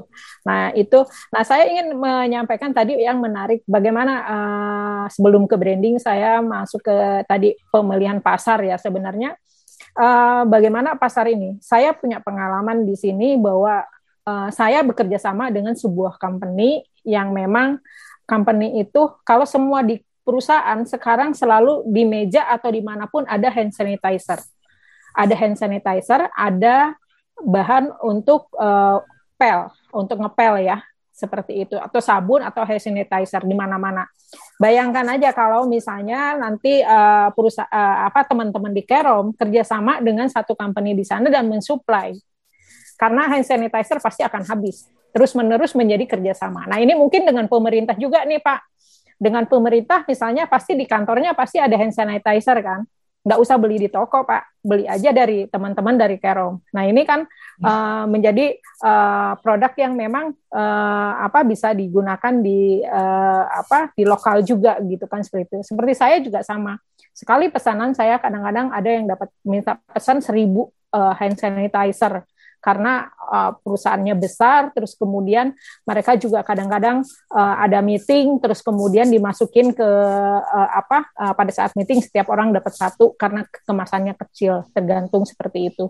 Nah itu juga salah satu strategi untuk marketing ya. Jadi nggak harus juga menunggu market, kita yang harus uh, rajin untuk mencari market. Nah ini salah satunya adalah uh, kerjasama dengan pemerintah, kantor-kantor, atau kerjasama dengan uh, apa perusahaan yang memang uh, setiap hari dia membutuhkan hand sanitizer. Semua kantor saya pikir membutuhkan hand sanitizer. Nah, uh, strateginya ya silahkan negosiasi harga. Kalau kayak gitu mungkin harga diturunin sedikit, tapi masih untung, tapi volume yang terjual jadi banyak. Nah itu. Nah uh, itu yang saya uh, untuk yang branding saya pikir gini Pak, jangan dibebankan ke semua ke uh, pengusaha yang ada di sana. Jadi uh, branding mungkin bekerja sama dengan konsultan lokal misalnya yang ada di sana, terus kemudian nanti bisa uh, membantu untuk membuat kemasan, packaging. Jadi uh, biarkan pelan-pelan uh, nanti ke depan pasti bisa. Tetapi untuk saat ini jangan juga semua uh, apa teman-teman di Kerom atau uh, pebisnis usaha kecil ini dibebankan A sampai Z. Nanti pusing gitu kan. Jadi harus untuk saat ini bekerja samalah dengan misalnya konsultan untuk branding, packaging dan segala macam. Nah, itu supaya bebannya juga tidak terlalu berat bagi mereka. Pelan-pelan kita ajarin bagaimana uh, mereka membranding, bagaimana membuat uh, apa packaging yang baik dan segala macam. Itu ya saya pikir uh, uh, so, uh, salah satu strateginya. Terima kasih, Mbak. Baik, terima kasih Bu Ed. Pertanyaan tadi sekaligus menjadi penutup dari sesi dialog interaktif kita hari ini ya.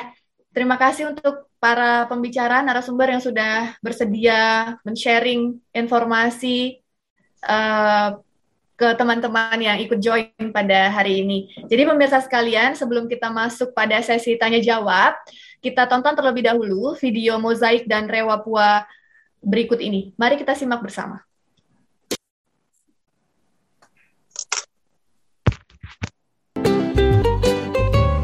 Mozaik balsam cair dan hand sanitizer asli Kerom, Papua. Dihasilkan dari ekstrak serai wangi pedalaman Kerom, Papua. Balsam cair dan hand sanitizer mozaik memberikan rasa hangat dan aroma yang menenangkan. Dipadu dengan ramuan khas Aceh, Mozaik semakin memadukan produk lokal Indonesia yang kaya akan aroma tanaman lokal. Mozaik merupakan produk kolaborasi antara masyarakat Papua dan Aceh dengan pengolahan yang menjamin kualitas premium. Dihasilkan langsung dari kebun petani-petani kerom di Kampung Skanto dan Gudang Garam 54, baik dalam penanaman hingga penyulingan. Mozaik menghasilkan aroma serai wangi yang kuat. Dalam tradisi Papua dan Aceh, ekstrak serai wangi digunakan untuk mengatasi rasa sakit nyeri sendi, batuk karena kelelahan, dan masuk angin, serta mengurangi rasa gatal di kulit. Ekstrak serai wangi yang biasa disebut dengan citronella oil ini juga digunakan sebagai antibakteri yang efektif sehingga cocok digunakan untuk mencegah kuman penyakit. Dengan membeli produk ini, Anda ikut menjaga kelestarian hutan kerom di Papua dan memperkuat ekonomi masyarakat adat. Ayo, pakai balsam cair dan hand sanitizer mozaik, produk asli Papua.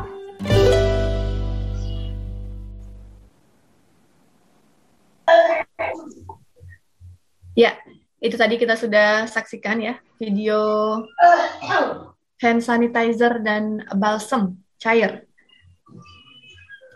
produk dari uh, Sereh Wangi di Kabupaten Kerom. Nah, selanjutnya kita akan masuk ke sesi tanya jawab. Ada beberapa pertanyaan yang sudah masuk ya dari Beyum Antonella. Untuk pengembangan Serewangi di Kerom sudah membuat berapa produk ya Kemudian untuk mendapatkan kualitas minyak yang baik, apakah butuh perawatan khusus? Soalnya saya lagi didor saya soalnya saya lagi dorong di Kabupaten Maibrat. Nah, ini ada ada dua pertanyaan nih. Yang pertama itu sudah membuat berapa produk dari pengembangan Serewangi? Yang kedua, untuk mendapatkan kualitas minyak yang baik, apakah butuh perawatan khusus? Mungkin bisa dijawab oleh Pak Sute ya. Ya, mungkin salah satu dari pertanyaan ini bagian saya boleh. Iya. Baik, mungkin yang kalau masalah sudah berapa jenis uh, produk turunan yang dibuat, saya kira teman-teman Kipra dan uh, Pupuk yang lebih tahu ya. Kalau pertanyaan keduanya ya, tentang masalah apa tadi? Masalah perawatan khusus untuk tanaman serai. Uh, ini juga menjadi salah satu pertimbangan kita pilih tanaman serai ini uh, sebagai komoditi yang uh, menjadi usaha secara layak di masyarakat. Tanaman serai intinya tidak terlalu apa ya seperti tanaman lain yang uh, membutuhkan perawatan secara khusus. Karena tanaman serai ini boleh dikatakan uh, tanaman liar sesungguhnya yang sangat mudah tumbuh di dalam kondisi uh, baik uh, bukan hanya di tanah subur, di tanah-tanah kritis sekalipun uh, tanaman serai ini bisa kita tanam. Yang pasti uh, uh, apa namanya penanamannya waktu penanamannya tepat. Uh, katakanlah pada tanah-tanah yang kritis yang hanya berharap uh, tak ada hujan saja, uh, kita harus menanam pada uh, saat awal-awal musim hujan, katakan begitu ya. Uh, proses yang paling berat uh, yang paling serius uh, penanganannya dalam budidaya serai wangi ini adalah proses awal. Uh, yang membutuhkan uh, setelah kita tanam ada namanya di apa namanya?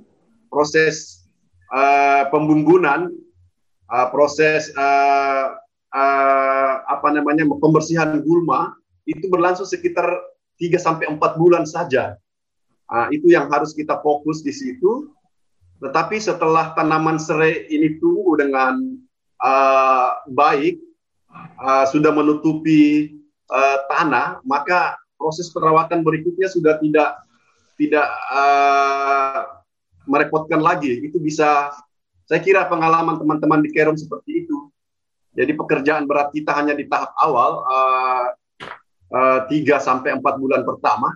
Setelah itu uh, tanaman serai boleh dikatakan itu akan uh, dibiarkan begitu saja tinggal dipanen uh, dengan cara-cara lestari tentunya ya. Uh, bagaimana saat memanen tidak kita ambil semuanya ada sisakan.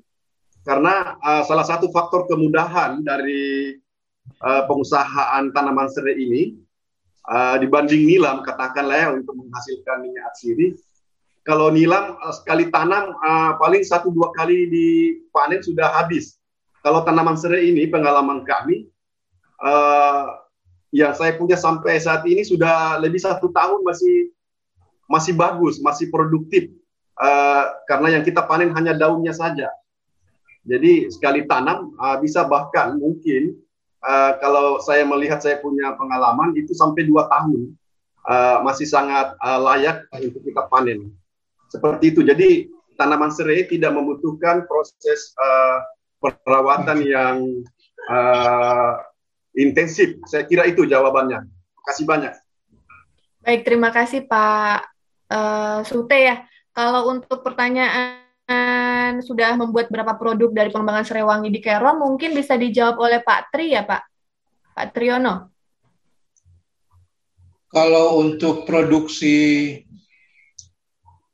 mosaik aromaterapi yang kita sudah produksi kerjasama dengan eh, teman-teman uh, di Aceh itu itu kurang lebih sudah 2000 2000 produk ya yang hmm. sudah dikirim dan kami terima itu. Lalu kemudian untuk yang hand sanitizer yang merek Mosaic itu 3.500. Lalu sekarang ini kami sedang mengelola untuk uh, teh Rewa Papua. Rewa Papua itu kita target bisa kita produksi 1000 uh, dos 1000 dos. Satu dos itu isinya kurang lebih uh, 25, 25 apa? saset ya, 25 kantong. Nah, untuk platform pemasaran sebenarnya untuk peluang di Jayapura ini cukup cukup terbuka ya dalam marketplace. Itu bisa kita masuk sebenarnya, tapi juga desain dari pemasaran kami juga ada bekerja sama ada dua tenaga yang kemudian mempromosikan perempuan muda yang akan mempromosikan uh, produk ini gitu. Lalu kemudian untuk pemasaran uh, ke depan ini satu dua bulan ini ada peluang untuk PON 20. Itu kami sudah melakukan percakapan, diskusi dengan Dinas Kehutanan dan Lingkungan Hidup Provinsi Papua, Pak Estiko, dan sudah ada uh, mereka sudah menyiapkan tempat display yang tadi dikatakan kalau yang di Kerem showroom uh, di uh, kota Jayapura sini di AB Pura khususnya itu sudah ada tempat uh, untuk kita nanti uh, apa ya mendisplay atau menjual di situ.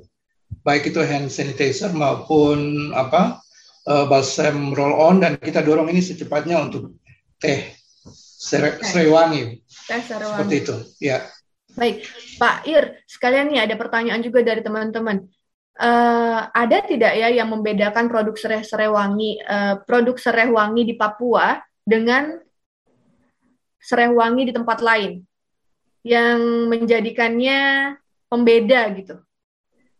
Kalau pendek pengetahuan saya itu masih yang serewangi yang ini masih produk dari kita di sini di Kerong oh, serewangi. Masih. Ada bilang juga itu serai merah karena dia memang batangnya apa merah ya. Batangnya merah. nanti Pak Sute mungkin bisa jelaskan itu apakah setahu saya sama ya serai wangi dengan serai merah karena yang serai wangi itu dia kan beda dengan serai-serai yang untuk apa dimasak ya yang untuk konsumsi sehari-hari ini dia warna merah dan dia punya uh, aromanya itu sangat uh, wangi sangat tajam seperti itu jadi masih produk di sini masih produk di Kerom di Jayapura sini. ya. Nah, dan kita sasaran pasar saya pikir peluang pasar untuk Papua ini cukup besar karena saya coba melihat di beberapa supermarket di Jayapura sini itu untuk tes rewangi kayaknya belum ada, belum ada yang masuk. Yang ada itu yang dari apa daun jati, dari sirsak, dari yang yang lain-lain gitu. Kalau khusus untuk serewangi ini uh, belum, belum belum masuk di beberapa supermarket. Seperti itu, Mbak. Baik, terima kasih. Ya, terima kasih jawabannya Pak Ir. Nah, ada juga nih pertanyaan uh, bibit serai yang digunakan itu diambil dari mana ya? Nah ini mungkin bisa dijawab Pak Arif lagi ya. Ya, uh, terima kasih Mbak. Jadi pada saat penjajakan pertama itu kami, saya ke Purwokerto itu untuk mengambil bibit di sana. Untuk melihat lahan di sana, tapi ternyata kemudian kesiapan mereka itu belum sampai uh, sanggup untuk menyediakan permintaan kami. Jadi kemudian bibit itu kami ambil dari uh, Jawa Barat, bibit oh, Srewangi, dan itu dikirim uh, transportasinya melalui apa? Melalui kapal laut dan itu dikawal sehingga tiba di di Jayapura begitu. Nah, dalam proses apa pengadaan bibit ini memang penanganannya juga kami belajar dari uh, Bapeda yang pada waktu itu juga mereka gagal. Karena bibit yang dikirim dari Aceh itu pada mati semua begitu.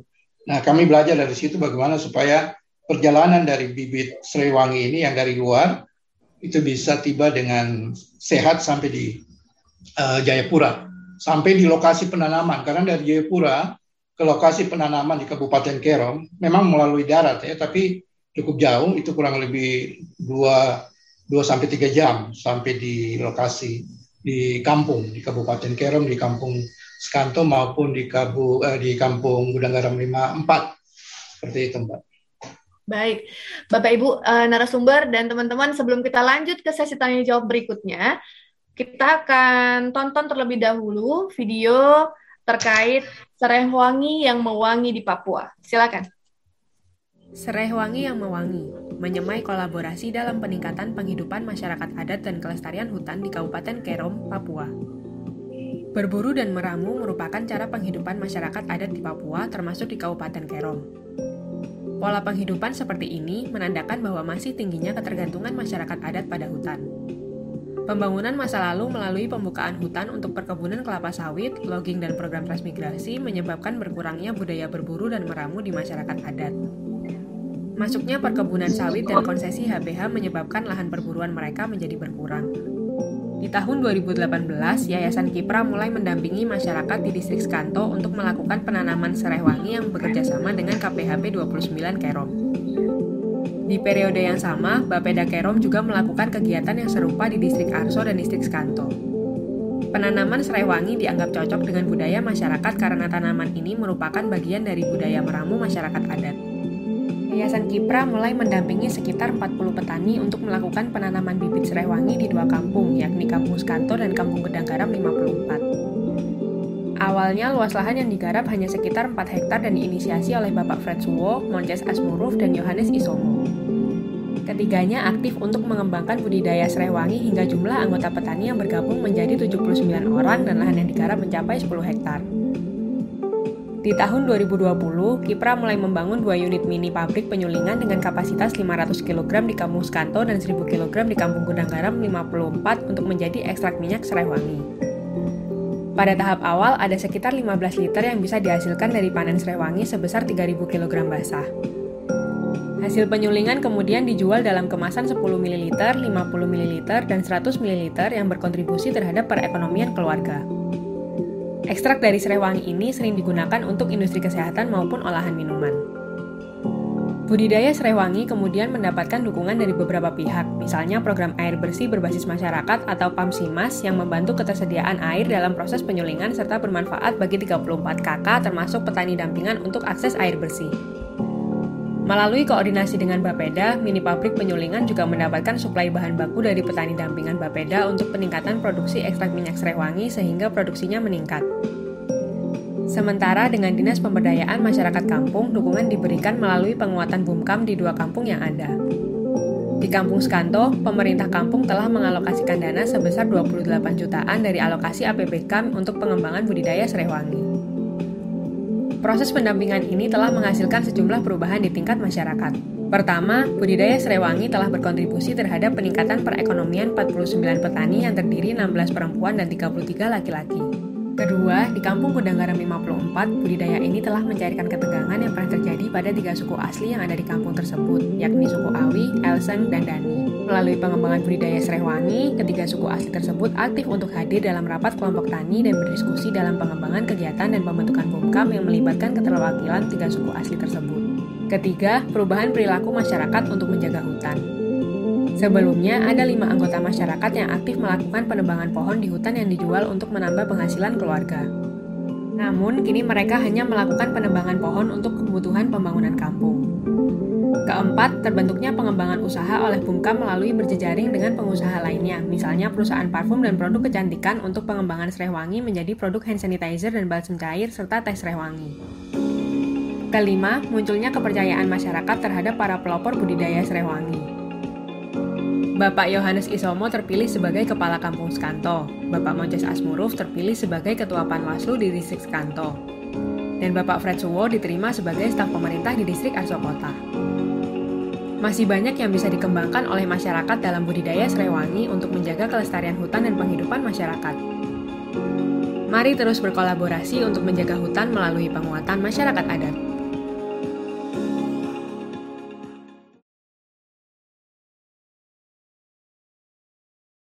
Video terkait serai wangi yang mewangi di hmm. Papua. Nah, kita masuk ke sesi berikutnya, sesi tanya jawab.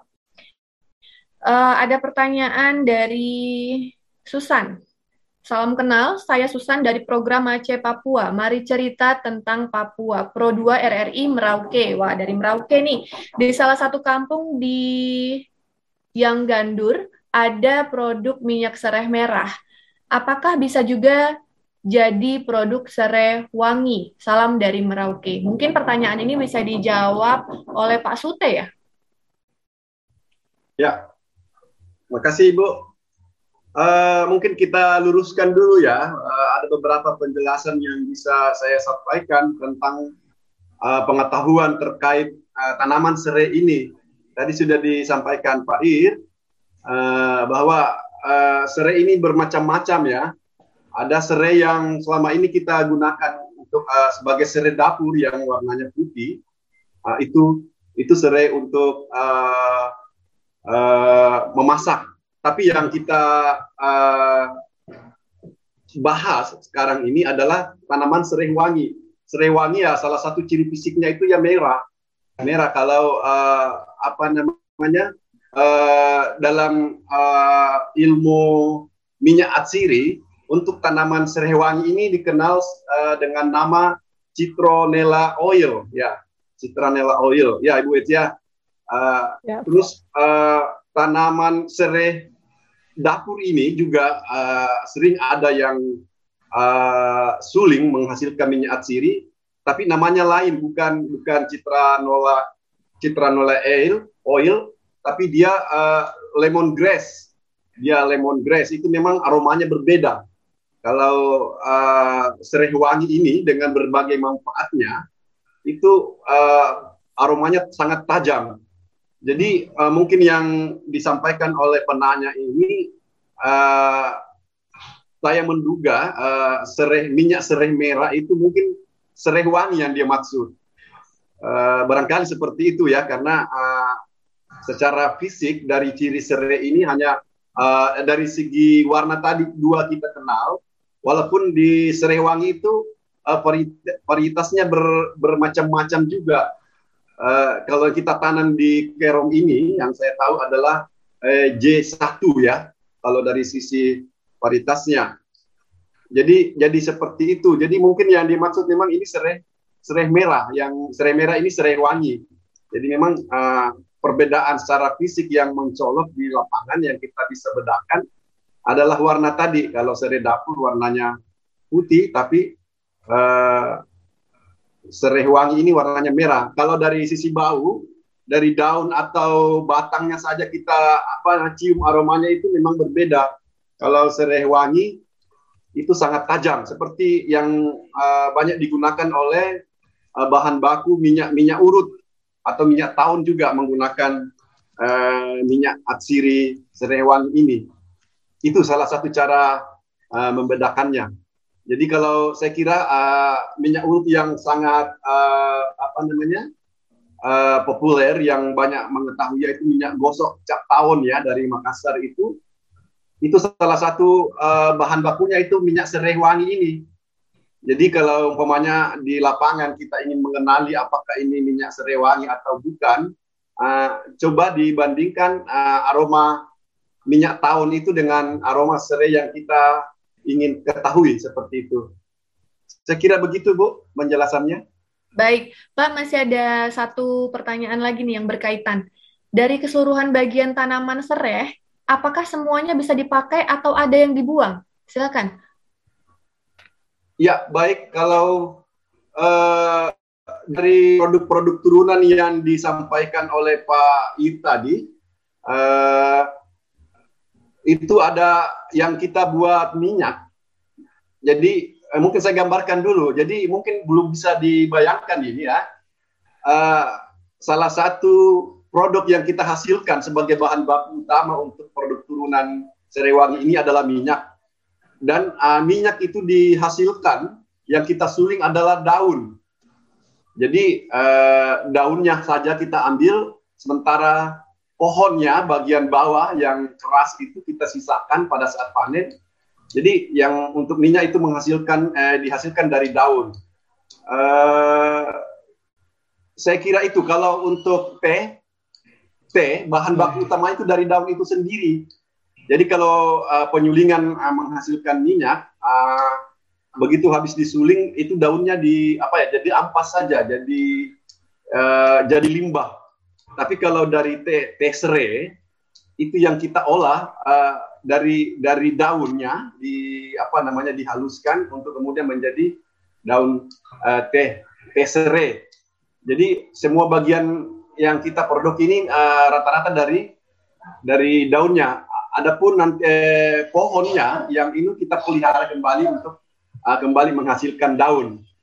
Jadi hampir semua produk yang uh, kita buat ini, khususnya yang ada sekarang, itu uh, bersumber dari daun. Tapi batangnya, akarnya itu bukan berarti kita buang. Uh, itu menjadi uh, sumber bahan baku yang uh, kita harapkan secara terus menerus seperti itu. Baik, ini ada masih ada pertanyaan Pak terkait uh, serai wangi juga nih. Bedanya serai wangi sama serai bumbu itu apa ya? Ini pertanyaan dari Facebook Pak. Di mana cara dapatkan bibit serai wangi di Jawa Timur?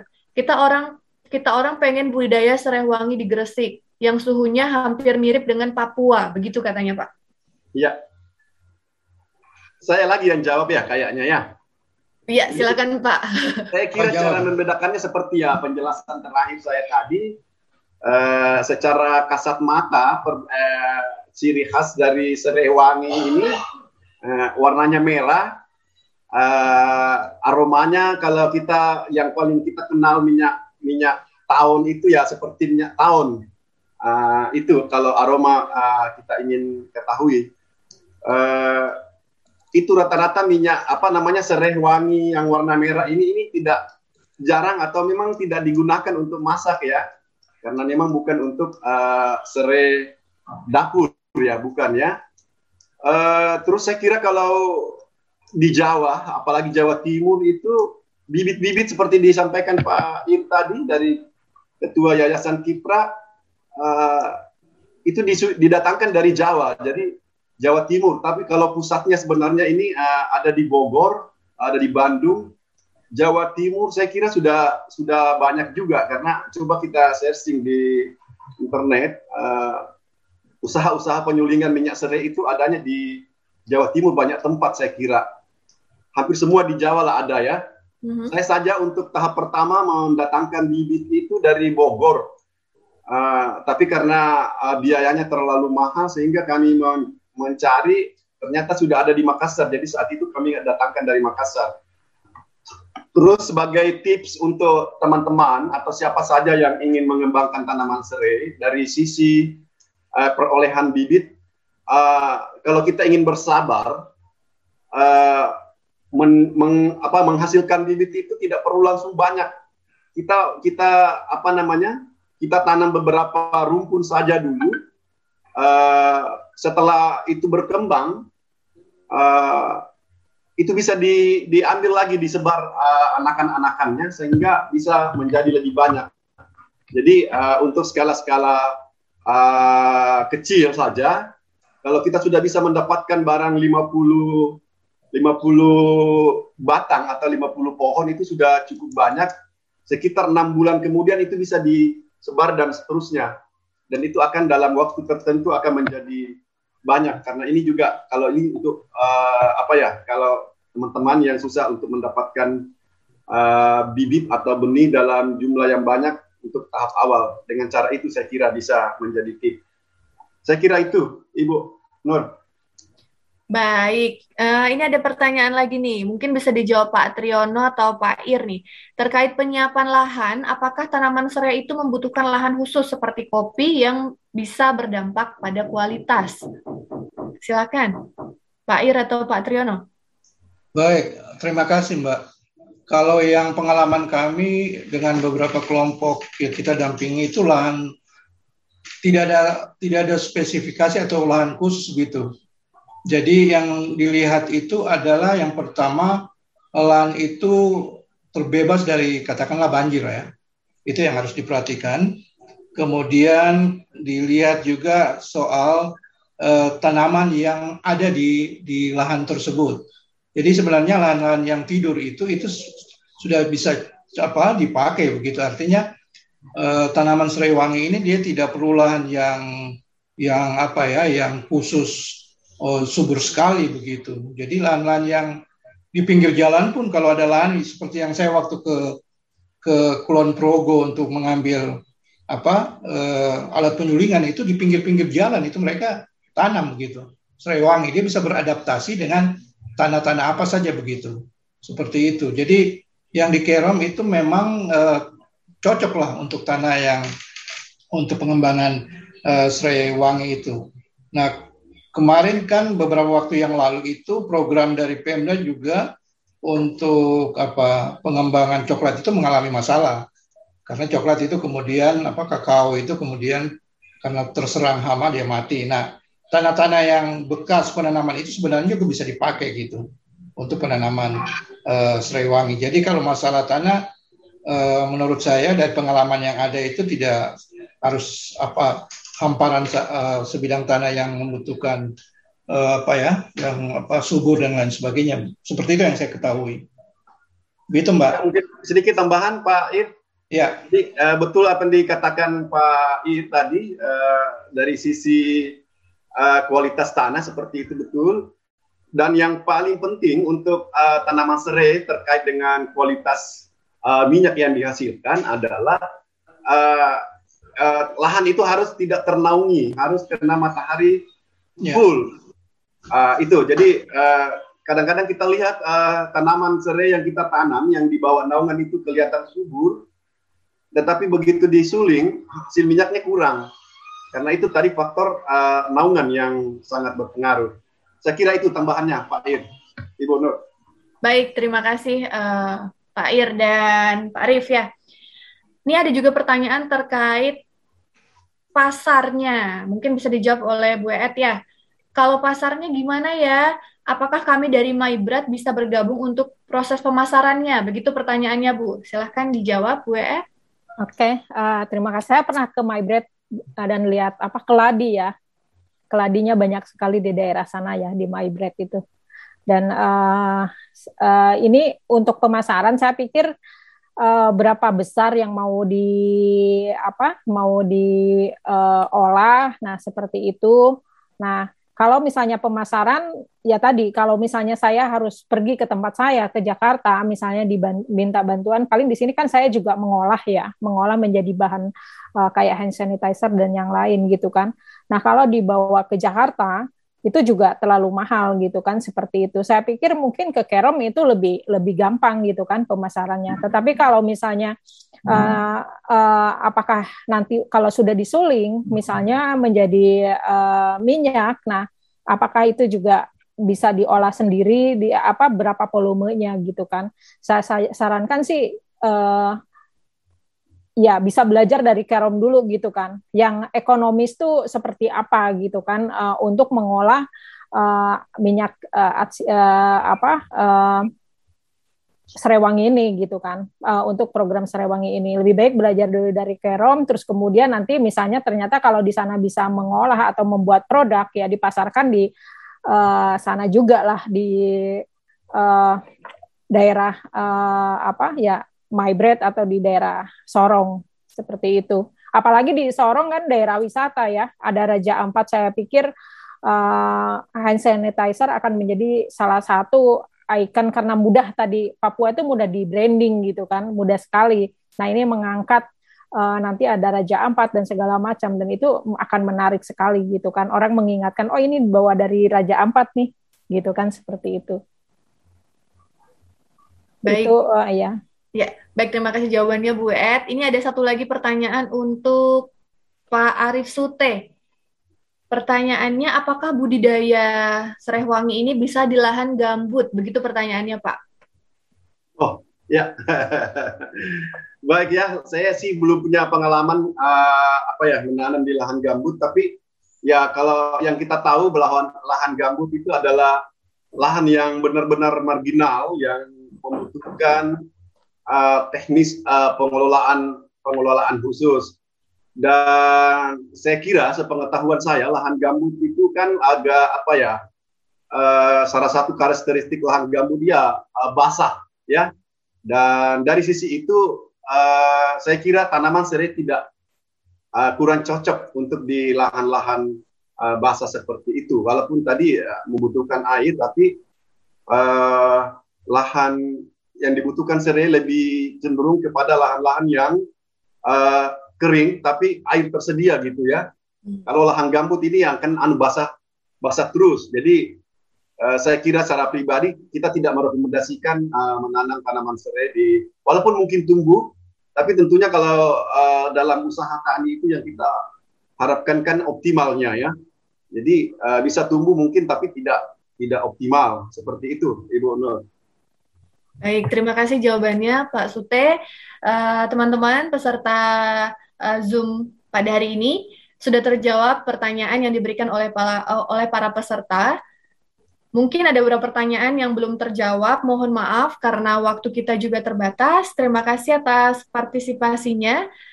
Pemirsa sekalian, usai sudah acara dialog interaktif seri 1, produk-produk inovatif dari Serewangi. Kami mengucapkan terima kasih kepada para pembicara serta rekan-rekan peserta yang telah berkenan hadir pada hari ini. Sebelum keluar dari ruang pertemuan virtual ini, silakan saksikan terlebih dahulu video tutorial hand sanitizer dan balsam cair. Terima kasih atas perhatian dan kerjasama hadirin semua. Mohon maaf atas segala kekurangan yang ada. Sampai jumpa di seri diskusi berikutnya. Assalamualaikum warahmatullahi wabarakatuh. Uh, perkenalkan, saya Nura Ustina, RND dari PT Yakin Bersama Jaya atau biasa dikenal dengan Minyak Pret. Uh, hari ini saya akan menjelaskan bagaimana cara pembuatan produk hand sanitizer dan balsam cair. Uh, sebelumnya saya akan menjelaskan terlebih dahulu uh, apa itu hand sanitizer. Hand sanitizer itu sendiri adalah uh, suatu sediaan yang digunakan untuk membunuh patogen pada tangan. Uh, karena penggunaannya yang tanpa bilas air dan uh, kemasannya gampang dibawa ke mana-mana, uh, sangat efektif untuk dibawa saat bepergian. Uh, jadi uh, hand sanitizer itu sendiri bisa menjadi pengganti cuci tangan pakai sabun selagi kita di luar. Umumnya hand sanitizer itu sendiri mengandung 70% alkohol. Uh, nah, kita hari ini akan membuat uh, hand sanitizer menggunakan 70% alkohol dengan uh, tambahan minyak serih wangi. Nah, uh, minyak serih wangi itu sendiri mempunyai manfaat yang sangat banyak. Uh, jadi kandungan citronella oil yang terdapat pada uh, minyak serai wangi tersebut dapat memberikan sifat aromaterapik, uh, analgesik, stimulan obat sakit perut, uh, dan antibakteri. Selain itu, uh, wangi yang dihasilkan dari minyak serai wangi tersebut dapat meringankan kelelahan saraf, migrain, dan sakit kepala. Maka dari fungsi-fungsi itu kita juga akan membuat balsam cair dari minyak wangi tersebut. Uh, yang pertama kita akan membuat sediaan hand sanitizer. Uh, saya akan menjelaskan uh, dan menunjukkan beberapa alat dan bahan yang akan kita gunakan.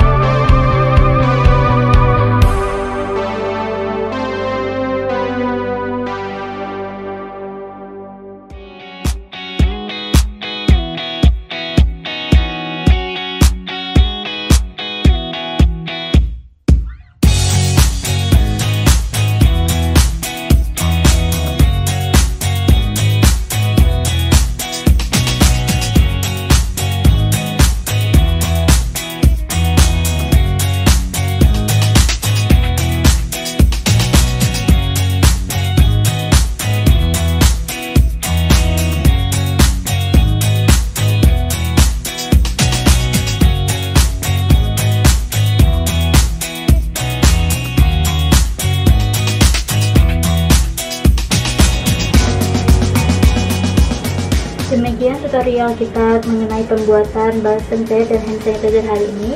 Uh, semoga bermanfaat. Sekian dan terima kasih. Assalamualaikum warahmatullahi wabarakatuh.